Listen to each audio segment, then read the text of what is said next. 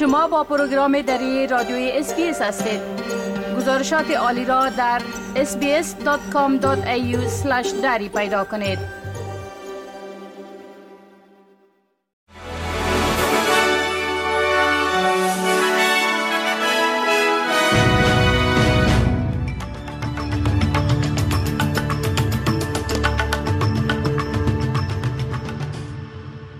سلام من فضیلت تصمیم هستم و شما را به شنیدن رویدادهای مهم روز از برنامه دری اس دعوت می کنم. محکمه عالی طالبان خبر داده است که پس از تایید حکم قصاص دو مرد این حکم در ملای عام در مرکز ولایت غزنی اجرا شد. محکمه عالی طالبان گفته است که این دو فرد از اهالی ولایت میدان وردک و متهم به قتل بودند. و پس از بررسی محاکم سیگانه به اعدام محکوم شدند.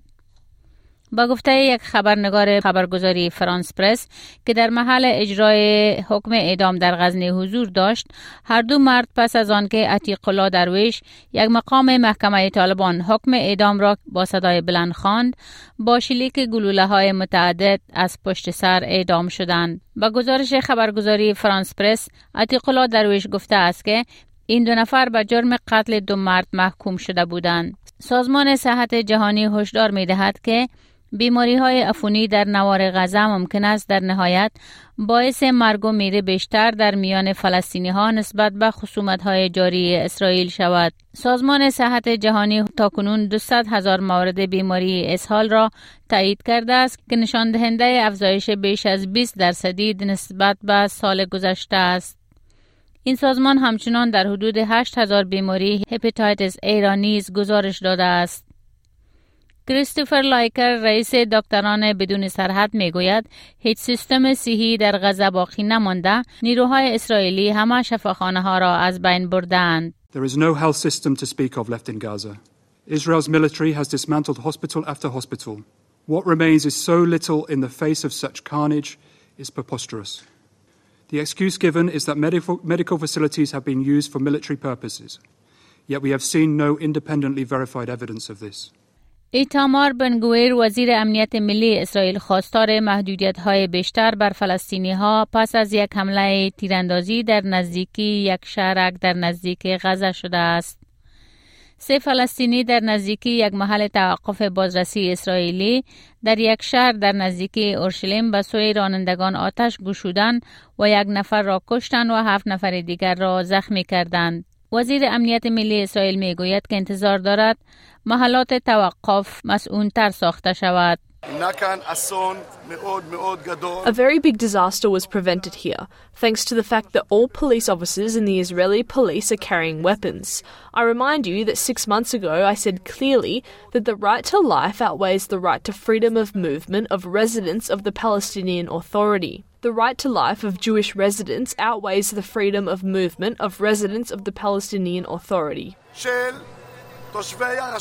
در همین حال چهار تن کمک از جمله ادویه مواد سوخت و غذا به شفاخانه تلهوا در شمال غزه منتقل شده است. شدت گرمای شدید دیروز باعث شد به دلیل هشداری های استراری ساکنان بیش از سی جامعه در نزدیکی بلرد در ویکتوریا خانه هایشان را تخلیه کنند. در حدود یک هزار کارکنان خدمات فرونشانی آتش از جمله کسانی که از 15 تیاره آب افغان استفاده می کنند در حال مقابله با آتش سوزی هستند. جیسن هفرنان مسئول عمومی خدمات آتش نشانی ویکتوریا می گوید که شرایط در طول شب بدتر شده است و اما هیچ خانه در این آتش سوزی از بین نرفته. Well, we, we.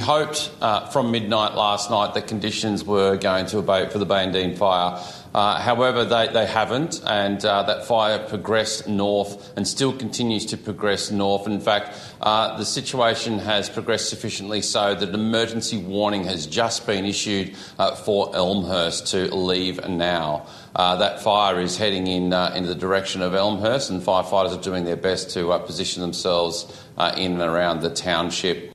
جوامع در شمال غربی استرالیای غربی در حال آماده شدن برای یک طوفان شدید هستند که انتظار می رود به عنوان یک سایکلون گرمسیری به سواحل غربی این ایالت برسد.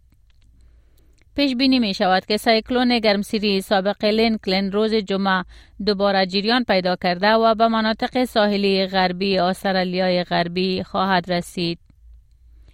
هواشناس میریم برادبری در مورد وزش بادهای تخریب کننده، بارانهای سنگین و سیلهای ناگهانی هشدار می دهد. The tropical cyclone is likely to move southwards and continue intensifying to a Category 2 system through the later part of Friday into early Saturday.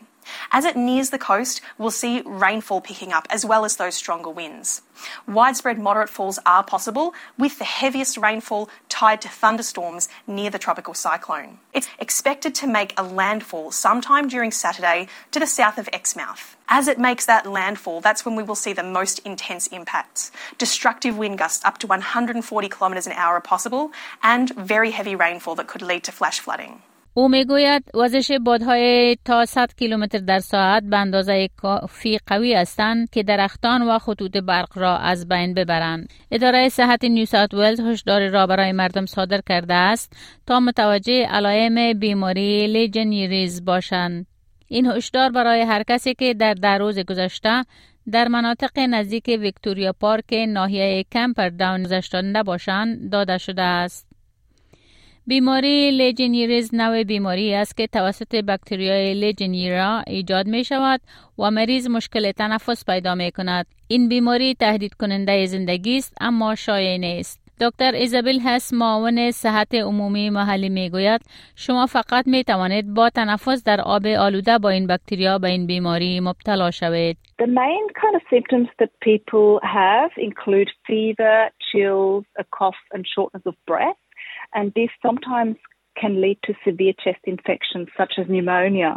However, it's really important to note that Legionnaire's disease is not spread from person to person, but people are exposed to, um, can develop the disease when they inhale contaminated water particles. حکومت فدرال استرالیا اعلان کرده است که بودجه مبلغ 3 میلیون دلار را برای راه اندازی برنامه های شناسایی و درک اعمال خشونت در جامعه تخصیص داده است.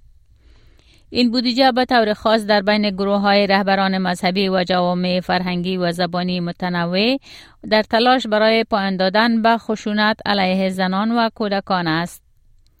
به طور متوسط در استرالیا در هر هفته یک زن توسط شریک فعلی یا سابق خود به قتل می رسد. در حالی که دو نفر از هر پنج زن از سن 15 سالگی خشونت را تجربه کردند. پروفسور سوپریا سنگ یکی از بنیانگذاران اتحادیه زنان چند فرهنگی می‌گوید تغییر این آمار به منای حمایت از مردم است زیرا در حال حاضر پیدا کردن بودجه دشوار است. What you have is a few organizations very heavily funded and a lot of small culturally sensitive organizations that actually are struggling for funding to keep their uh, their uh, officers. And so some of them have had to close down even though they were uh, they were delivering very highly needed services. این بود مهمترین رویدادها از برنامه دری SBS.